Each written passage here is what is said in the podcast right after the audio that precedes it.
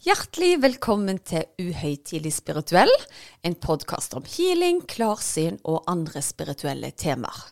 Noen ganger har vi gjester, og noen ganger er det bare meg sammen med min ektefelle Erik.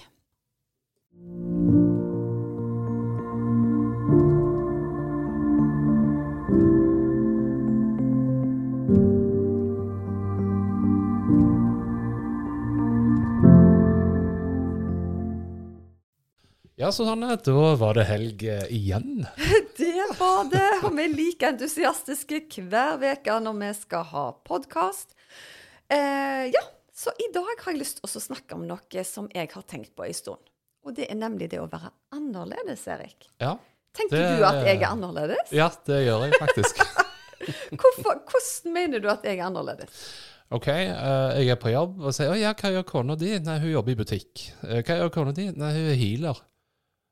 Ja, Ja. det er å være annerledes. Og det spørsmålet du ofte får da, kan hun leve av det? Det virker som de er bekymra for at du må, må hva skal jeg si, brødfø kona di. Ja, nei, det, sånn er det å være økonom. Ja, det er det, altså. Nei, men i dag så har jeg lyst til å snakke om det som er ekstraordinært og unikt med hver og en av oss, altså det å være annerledes. Fordi vi lever i en verden der det kan virke som at alle streber etter å passe inn og følge strømmen og følge normene, da. Men jeg har så lyst til å minne dere på at de uvanlige egenskapene, våre særegenheter og våre individualiteter, det er jo det som gjør oss spesielle og unike. Og da vil jeg òg at vi skal tenke på de mest inspirerende menneskene i historien, f.eks. Albert Einstein. Han var jo den som tenkte annerledes og våga å være seg sjøl. Og det er jo disse vi husker i ettertid. Det er ikke de som fulgte alle de andre banene, liksom. Um, så ja, han hadde unike perspektiver og kreative ideer. Og jeg vil jo si at de virkelig har forandra verden.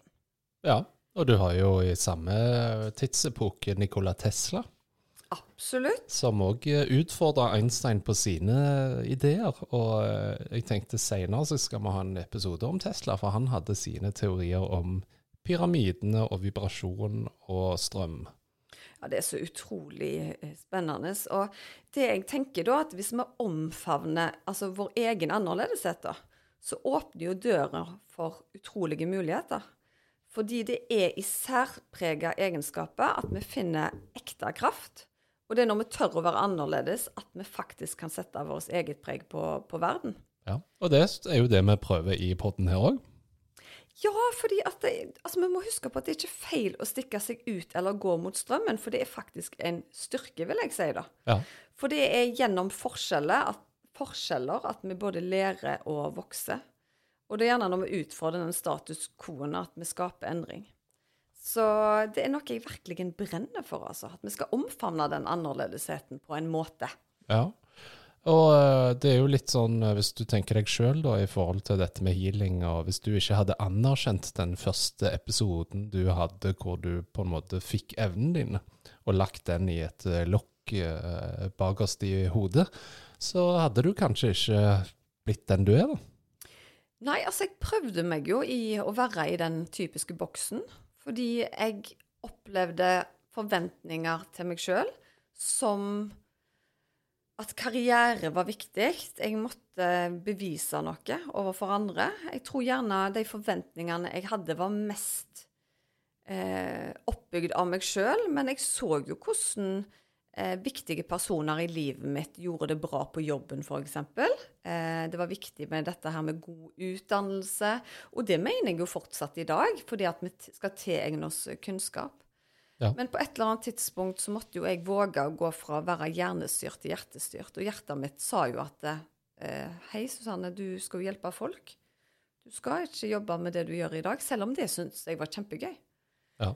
Eh, Men hadde jeg vært redd for at folk skulle se negativt på det at jeg var annerledes, så hadde jeg jo aldri drevet med det jeg gjør i dag. For da hadde jeg heller holdt meg til oljebransjen. Ja. Nei, og hvis du går til jobbmessig, så vil jeg jo òg si at jeg fikk et tips en gang eh, når jeg skulle bli leder for første gang, så sier han da at eh, det beste tipset jeg kan gi deg, det er å være deg sjøl. Um, og det har jeg tenkt på mye i etterkant, for det, det var jo først når det ble tungt på jobben, at jeg plutselig fant ut Jeg har jo leda ikke sånn som jeg ville lede. Jeg har leda sånn som jeg trodde alle andre forventa jeg skulle lede. Mm. Så det å bli tro til seg sjøl og egen lederstil, eh, det tror jeg eh, det er mye i. Mm. Og så er det dette her hvem er jeg, og hva jeg står for, når vi hele veien er blitt lært at det skal være på en spesiell måte.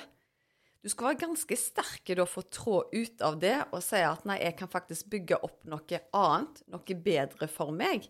Ja. Når du har hatt veldig mange eksperter foran deg, både lærere og andre eh, autoriteter som har fortalt deg at eh, hvis du skal lykkes i livet, så skal du gjøre det på denne måten. Mm. Og så kjenner du på et eller annet tidspunkt at eh, det er vel og bra, men jeg tror ikke akkurat det er rett for meg. Og jeg tror hadde mange flere av oss valgt mer den hjertestyrte, at jeg kjenner at jeg skal gjøre noe annet, så hadde vi hatt langt flere lykkelige folk her nede på jorda. Ja. For jeg tror det er så mange som velger å bli f.eks. økonomer fordi at det syns faren min eller mora mi er stas, kontra eh, jeg gjør dette fordi at det gir meg mye glede. Ja. Nei, det er sant, det. Og i dag da så har jeg invitert inn ei som heter Linn Kleppa. Og hun har virkelig fått kjenne på det å føle seg annerledes. Eh, og hun måtte igjennom en spirituell oppvåkning for virkelig å finne sin plass her i livet. Så jeg ble så utrolig glad når hun tok kontakt, fordi hun ønska å formidle sin historie for at andre kan lære, og vise at det faktisk er mulig å nå de målene du setter deg, uansett hvilke utfordringer du står i. Så hjertelig velkommen til deg, Linn Kleppa. Hei, tusen takk for at jeg får lov å komme. Utrolig kjekt at du hadde tid og anledning til å være med oss eh, på podkasten her i dag. For de som ikke kjenner deg, kan ikke du fortelle kort litt om deg sjøl? Kan jo si at jeg er født med noe som heter Nunans syndrom, noe som gjorde at jeg bl.a. er uføretrygda i bånn og har følt at eh, jeg av system og samfunnet ble pressa inn i bokser som jeg ikke sjøl følte meg hjemme i. Og Linn, når vi googler Noonan syndrom, så er det jo ingen tvil om at dette her her er en tilstand med gjerne mange eh, begrensninger. Og det jeg syns er så fantastisk med deg, da, er at du har jo brutt ut av disse begrensningene. Kan ikke du dele litt mer om hvordan du klarte dette? En av eh, min vei ut da, det var denne her spirituelle oppvåkningen. Der jeg virkelig skjønte at det var sjelen min som snakket til meg i eh, åndetimen mitt som hadde snakket meg i alle år, og prøvde å liksom få meg ut av disse buksene og se lyset mitt og kvitte meg med denne frykten jeg konstant følte på. Eh, noe som igjen førte til at eh, jeg ble intuitiv en form av en coach for å hjelpe mennesker litt ut av det samme som jeg har opplevd da. Ja, Du nevnte jo liksom dette at det har gått gradvis, og disse boksene som du ikke nødvendigvis følte deg hjemme i. Men er det en spesiell utløsende hendelse eller noe sånt som har gjort at eh, du fikk eh, liksom denne spirituelle evnen, da? Eller er det noe som har vokst over tid? Ja, altså eh, hele livet så har jeg jo følt meg på en måte annerledes.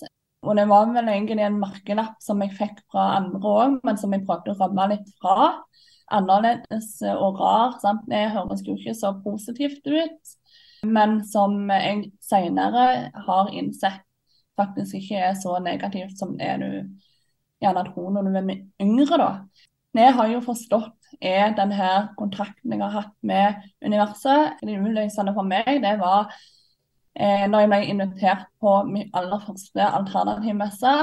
Og den dagen der, det var en dag der alt endra seg. Jeg fikk en ridning av en medium som virkelig bare sa så mye nære og kjære har sagt til en viss grad, ikke så bastant som mediumet sa, men som nå da egoet sant. Når jeg kommer inn og så sier det sier de bare fordi de er glad i deg, osv. Ja, selvfølgelig. Ja. Eh, mens her satt han her fremmede mannen og sa at eh, jeg måtte slippe masken, jeg måtte begynne å tro på meg sjøl. Han så at jeg hadde eh, gründergenet, liksom. At jeg måtte starte business. Og jeg bare business, ja. Særlig, sant. Og jeg tenkte når en kan si dette og se dette i meg, eh, nå er det et eller annet feilkobling i hodet mitt som jeg må endre på. Så det var en sånn følelse av at nå er nok nok. Og det gjorde til at jeg begynte å fordype meg i selvutvikling. Begynte å jobbe beinhardt mentalt. Fordi at det før har alltid trodd det er mer mellom himmel og jord enn det der er. Eh, men jeg trodde jo at eh, sånne ting var for eh, spesielt utvalgte. Denne her gaven at noen har den, noen har den ikke. sant? Der fikk jeg meg jo en skikkelig real oppvekker at faktisk så har alle den muligheten. sant? Det er ikke alle som gjerne kan bli Lisa Williams og Linni Bendriss og disse her, men eh, alle har den der kontakten med sin indre stemme og sin underteam, universet, kall det hva du vil. Og det var det som skifta for meg, da. For da, da trengte jeg ikke stole så mye på meg, men jeg kunne eh, stole på den stemmen som kjærlig viste meg veien videre. Og det var liksom det som var på en måte katalysatoren for at jeg klarte å ta kontrollen tilbake. Frykten sånn, fra egoet, det å Før så lot jeg milde andre skrive min livshistorie fordi at jeg ikke vågde å gjøre det sjøl. Jeg trodde ikke at jeg eh, var kapabel til å vite hva som var best for meg. Jeg tenkte at det miste andre som hadde levd lenger. Eh, men så begynte jeg å bryte ut av det mønsteret. Jeg begynte å faktisk stole mer på meg eller mitt ungdom da, og virkelig skrive min livshistorie. Våge å gå mot strømmen istedenfor å faktisk være den der sauen i saueflokken som bare dilter etter. Jeg syns jo det er en fantastisk metafor, dette her å ta kontroll over livet sitt og skrive sin egen livshistorie. Og det har vi jo vært veldig opptatt av i denne poden òg, dette med liksom selvutvikling, dytte streken i sanden litt. Og, og det er jo gjerne en sånn oppvåkning som gjerne kommer litt med alderen òg. Og sånn som jeg forstår det, da, så var jo du godt voksen, for dette er jo ikke så veldig lenge siden. Så det er jo en enorm transformasjon da, for å være på en måte integrert, som du sier, i en bane, da. Til å plutselig mm. skifte kurs. Hvordan har det forandra livet ditt? Jeg var jo 25 år det året, og det er jo altså det er før etter og det er så ekstrem forvandling at det, alle som kjent, alle kjenner meg eh, og kjente meg før, de sier at jeg kan nesten ikke forstå at det, det er mulig, fordi at det skifta så um, rått. Oppveksten min besto av mye sykehusbesøk, hendelser som ikke helt spilte på lag, og det trigga en helseangst. Eh, jeg sleit med mye helseangst, jeg var redd for absolutt alt. Til og med sånne ting som jeg mistet til og med når jeg var yngre, ikke var mulig at jekken skulle skje. Men det var en sånn iboende frykt som eh, på en måte slukte mye av livet mitt. Jeg har alltid hatt det veldig godt på familiefronten og menneskene rundt meg og sånn, men har følt veldig mye på frustrasjon, ikke følt meg forstått, ikke følt at eh, eh, jeg levde gjerne sånn som jeg burde ha levd. Sånn at eh, for å si det sånn, da, så denne her dagen, når jeg begynte med selvutvikling, begynte med den spirituelle, på den spirituelle veien og begynte å dykke dypere inn i meg selv og bli kjent med, mer med den jeg er, da, så begynte jeg å gi slipp på mer og mer lag av frykt. Det er jo ikke sånn at vi blir kvitt frykt sånn en gang for alle. Med men, jeg pleier, eh, men jeg pleier å si at vi kaster den på døra. Sant? Frykten kommer og banker på døra. Og så er det et nytt valg. Slipper du vann inn, eller bare kaster du vann på dør. Sånn. Og før så ønsket jeg jo den frykten på en måte velkommen inn i hermetegn. Den, den styrte livet mitt. Men nå så ser jeg den heller inn i hvitøyet, og så sier ja ja, jeg vet du er der, men eh, jo høyere du skriker, jo sterkere jeg føler deg, eh, jo mer er det er tegn for meg om at jeg skal pushe gjennom det og gå den veien som du sier ikke skal gå. Og det var en åpenbaring for meg. For det er jo sånn, eh, det har sikkert Ususan òg kjent på i denne her gründerreisen òg. Altså, det er jo en selvutviklingsreise uten like og mye, mye frykt som eh, skal tas tak i der. Det har iallfall jeg kjent på. Jeg hadde ikke klart å stå gjennom det med mindre jeg virkelig så frykten for det der er.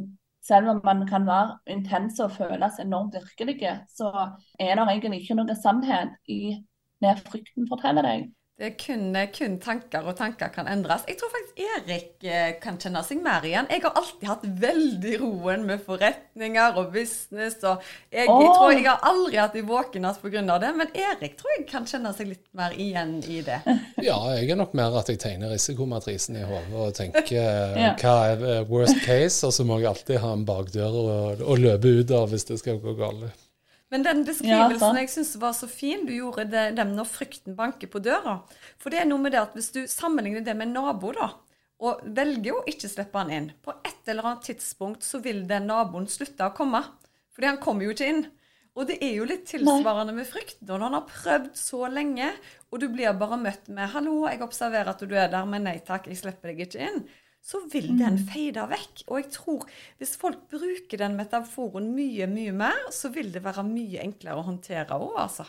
Så jeg syns det var en veldig mm. fin eh, beskrivelse, eh, Linn. Tusen takk. Og eh, ja, og jeg, jeg, tror veldig sånn for deg. Og det som jeg syns er veldig viktig å få fram, at sånn som jeg var yngre og styrte så mye av frykt, så føltes jo den så virkelig. Sant? Det føles ut som at eh, sant? Det ligger jo veldig i oss som mennesker at eh, frykt er der for å beskytte oss. Sant? Eh, frykt forteller oss at dette skal vi ikke gå inn i. Men det vi ikke lærer, det er jo at det finnes to forskjellige frykter. Det finnes den frykten som det er en sannhet i, som du bør ta en risikovurdering av. Men så finnes det òg den frykten som bare er egoets mas. Eh, og det er jo den type frykt de fleste føler på. Og det, og det, er den type frykt som jeg tenker dreper flest drømmer, egentlig. Ja, for det er på en måte frykten for å bli mislykkes blir større enn gleden av å kanskje klare det, da? Mm.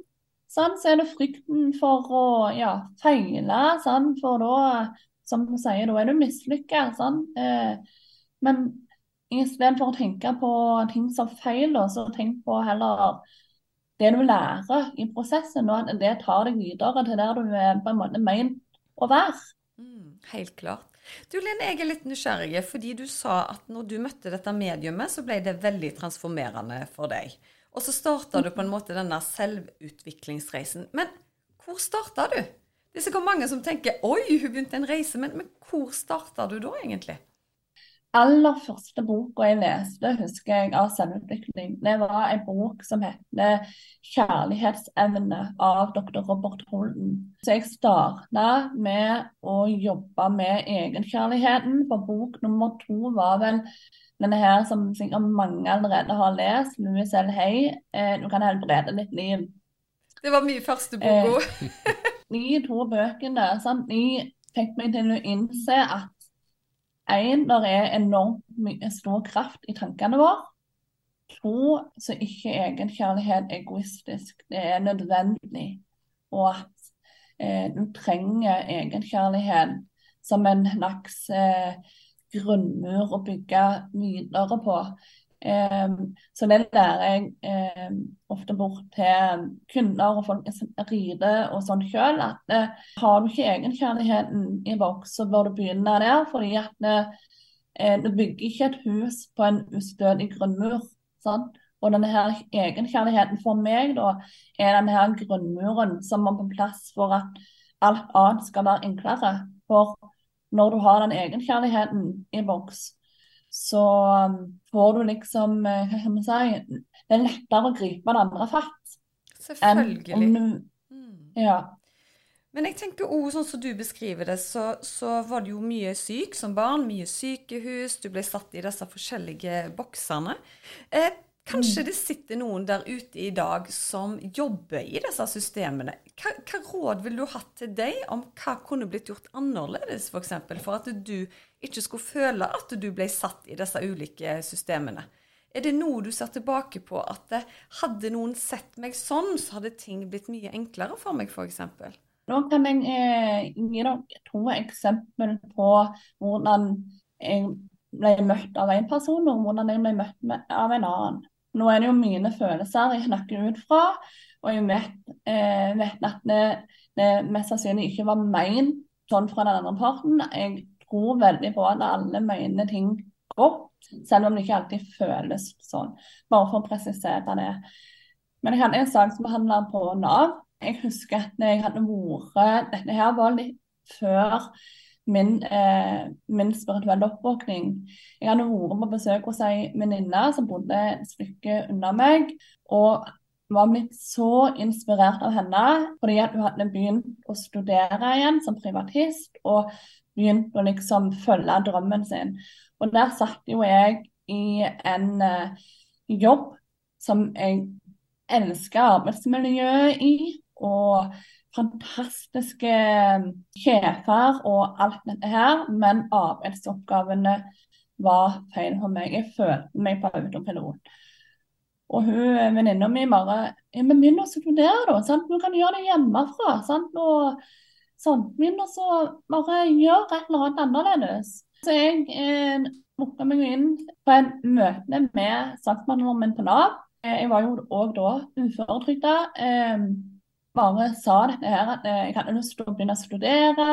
Og, og så blir jeg møtt med at ja, men er det er så lurt, liksom. Det, mest sannsynlig så går det ikke bra. sant? Og eh, jeg tror du skal heller være fornøyd med der du er.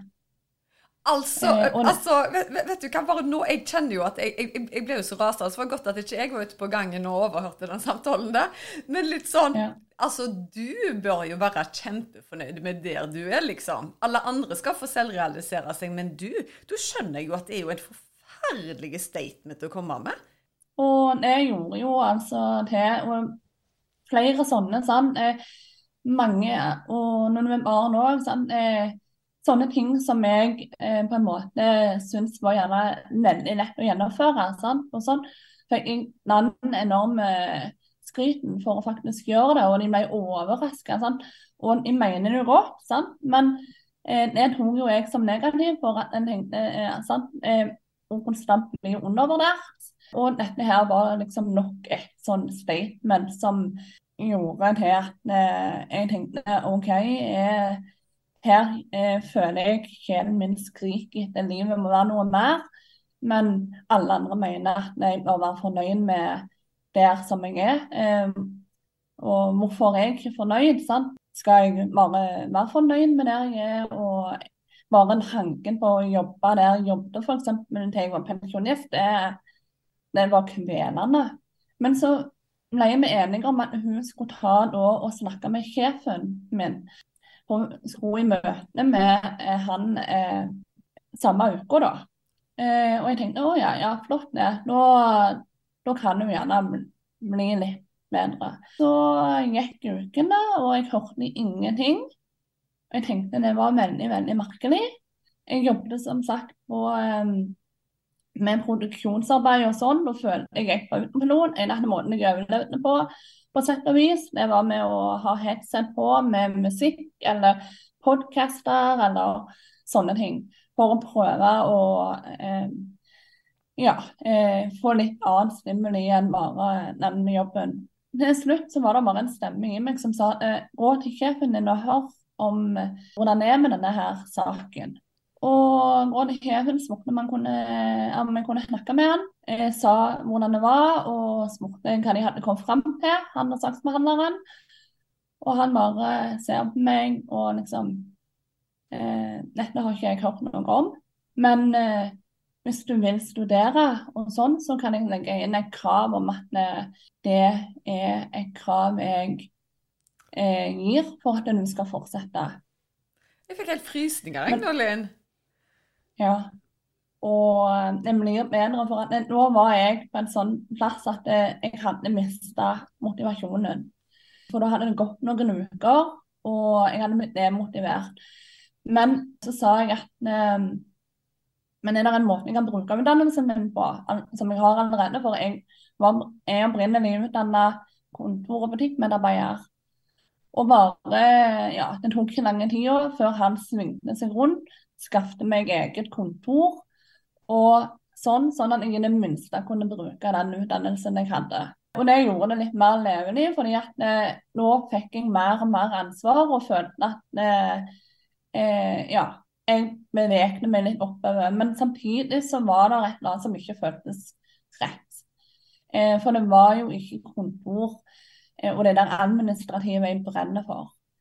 Så jeg kan kan spole tilbake, altså framover til år 2018. Da var jeg jo veldig mye mer inn i dette her med selvutvikling og spiritualitet. Jeg tok også på nytt gikk til sjefen og, eh, og spurte om jeg kunne snakke med han. Eh, for da hadde jeg fått en ny drøm. Jeg hadde søkt litt rundt og sett på coachingutdannelse. Jeg tenkte det kan kombineres med jobben. Da slipper jeg å ta veldig mye fri. Jeg må bare ha permisjon sånn av og til. Eh, for det var veldig vanskelig for meg å Mest av alt så kunne jeg jo tenkt meg å gjerne bare slutte jobben, men det, det å slutte i noe har alltid vært vanskelig for meg. Du skal ikke gi opp, liksom. Sant? Eh, og den type ting. Eh, og jeg husker det som det var i går, den dagen. Jeg, når jeg gikk, eh, gikk til kontoret og spurte sjefen på nytt om eh, jeg kunne snakke med han. For jeg skalv som en aspeløv. Jeg var livredd fordi at jeg trigga meg jo noe enormt. fordi at alle ganger eh, eh, som jeg har kommet med drømmer til eh, disse her oppe i systemet og sånn tidligere, så har det blitt slått ned på. Sånn. Så jeg var jo veldig sikker på at uh, dette her uh, kom til å skape en motstand. Og han bare ja, skjønner det, bare sett deg ned.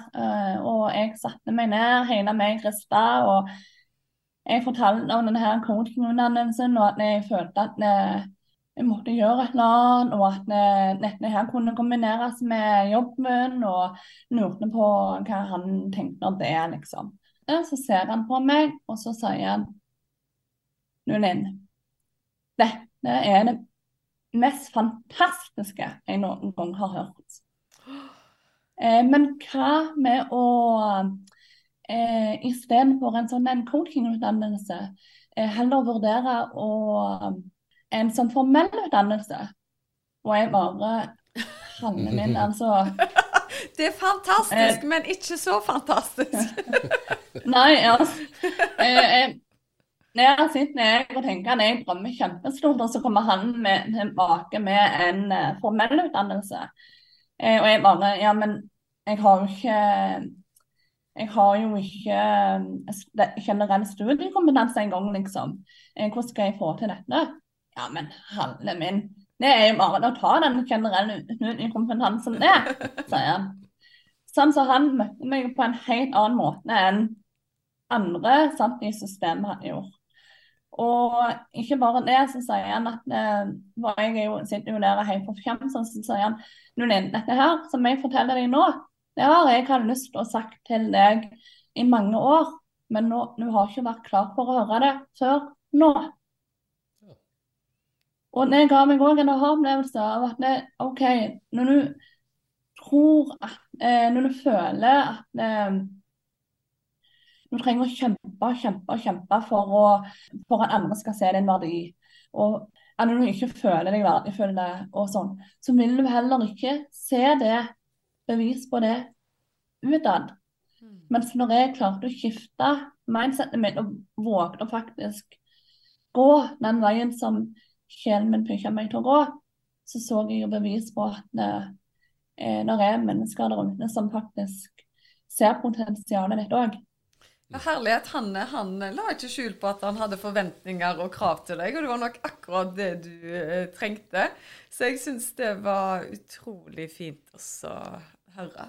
Ja, jeg syns han reagerte akkurat sånn som mine foreldre vanligvis ville reagerte. Ja, du er veldig flink til det, men uh, ikke gjør det. Gjør heller dette her. gjør heller dette her. Sikt litt høyere. ja. ja. Eh, og det er jo sånn det må være. sant? For at eh, eh, mange nære og kjære òg kan altså kan jo gjerne eh, prøve å dempe forventningene dine fordi de ønsker ikke du skal bli skuffa. Og det har jeg òg opplevd liksom at jeg vet, eh, vet at alle mener godt, men du føler at du blir bremsa litt. Men sånn, eh, det er jo deres sak. Mens jeg, jeg prøver å si at eh, for meg så ja, det er kjipt å bli skuffa, men det er enda kjipere og vondere å ikke lytte til sin indre stemme og prøve.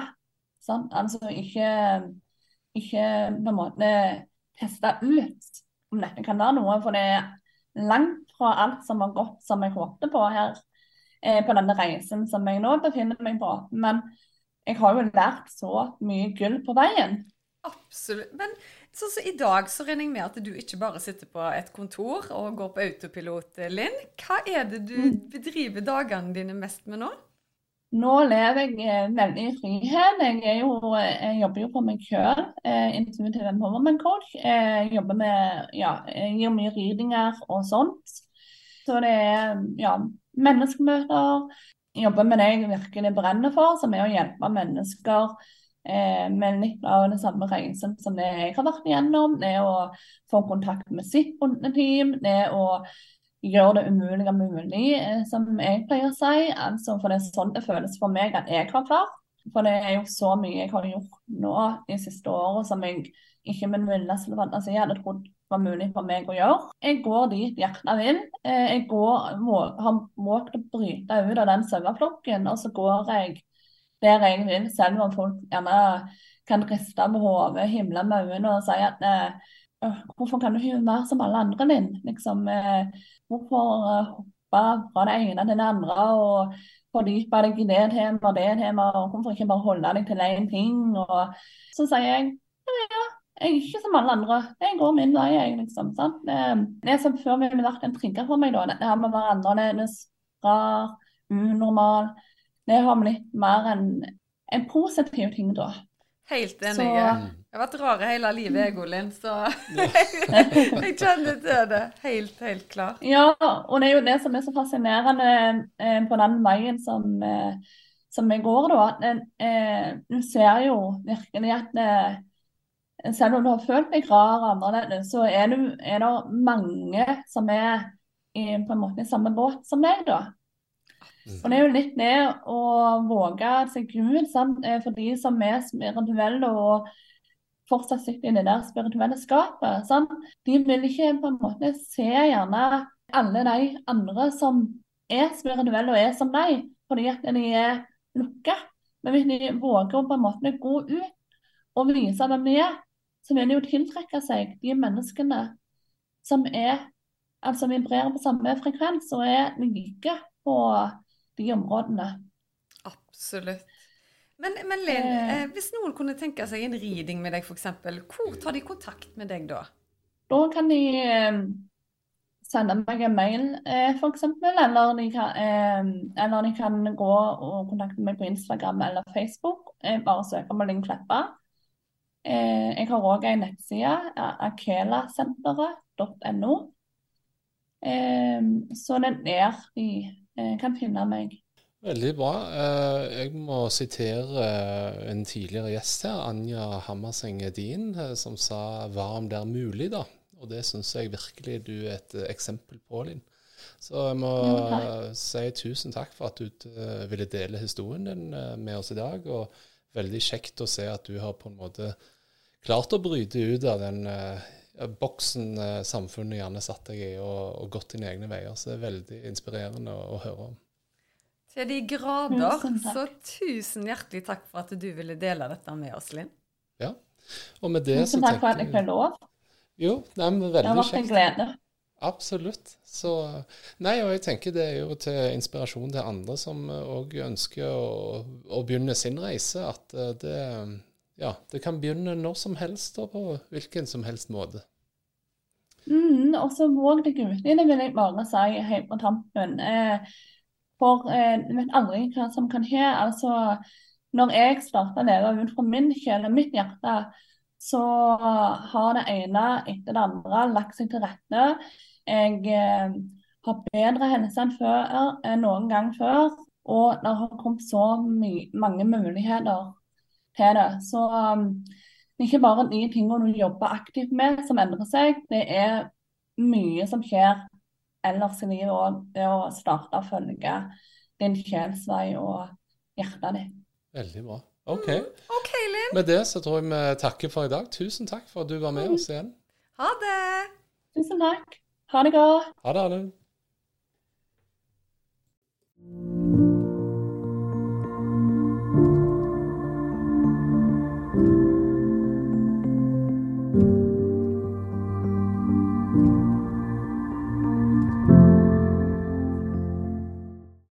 Visste du at du kunne ta kontakt med meg hvis du ønsker å få satt opp en personlig healingplan? Da er det bare å kontakte meg via Instagram eller på e-post, så gjør jeg det helt kostnadsfritt. Da er det mye lettere å vite hvilken healing du skal velge, til hva tid du skal bruke den, og hvor mange uker du bør benytte deg av dem. Gå inn på healersusanne.com.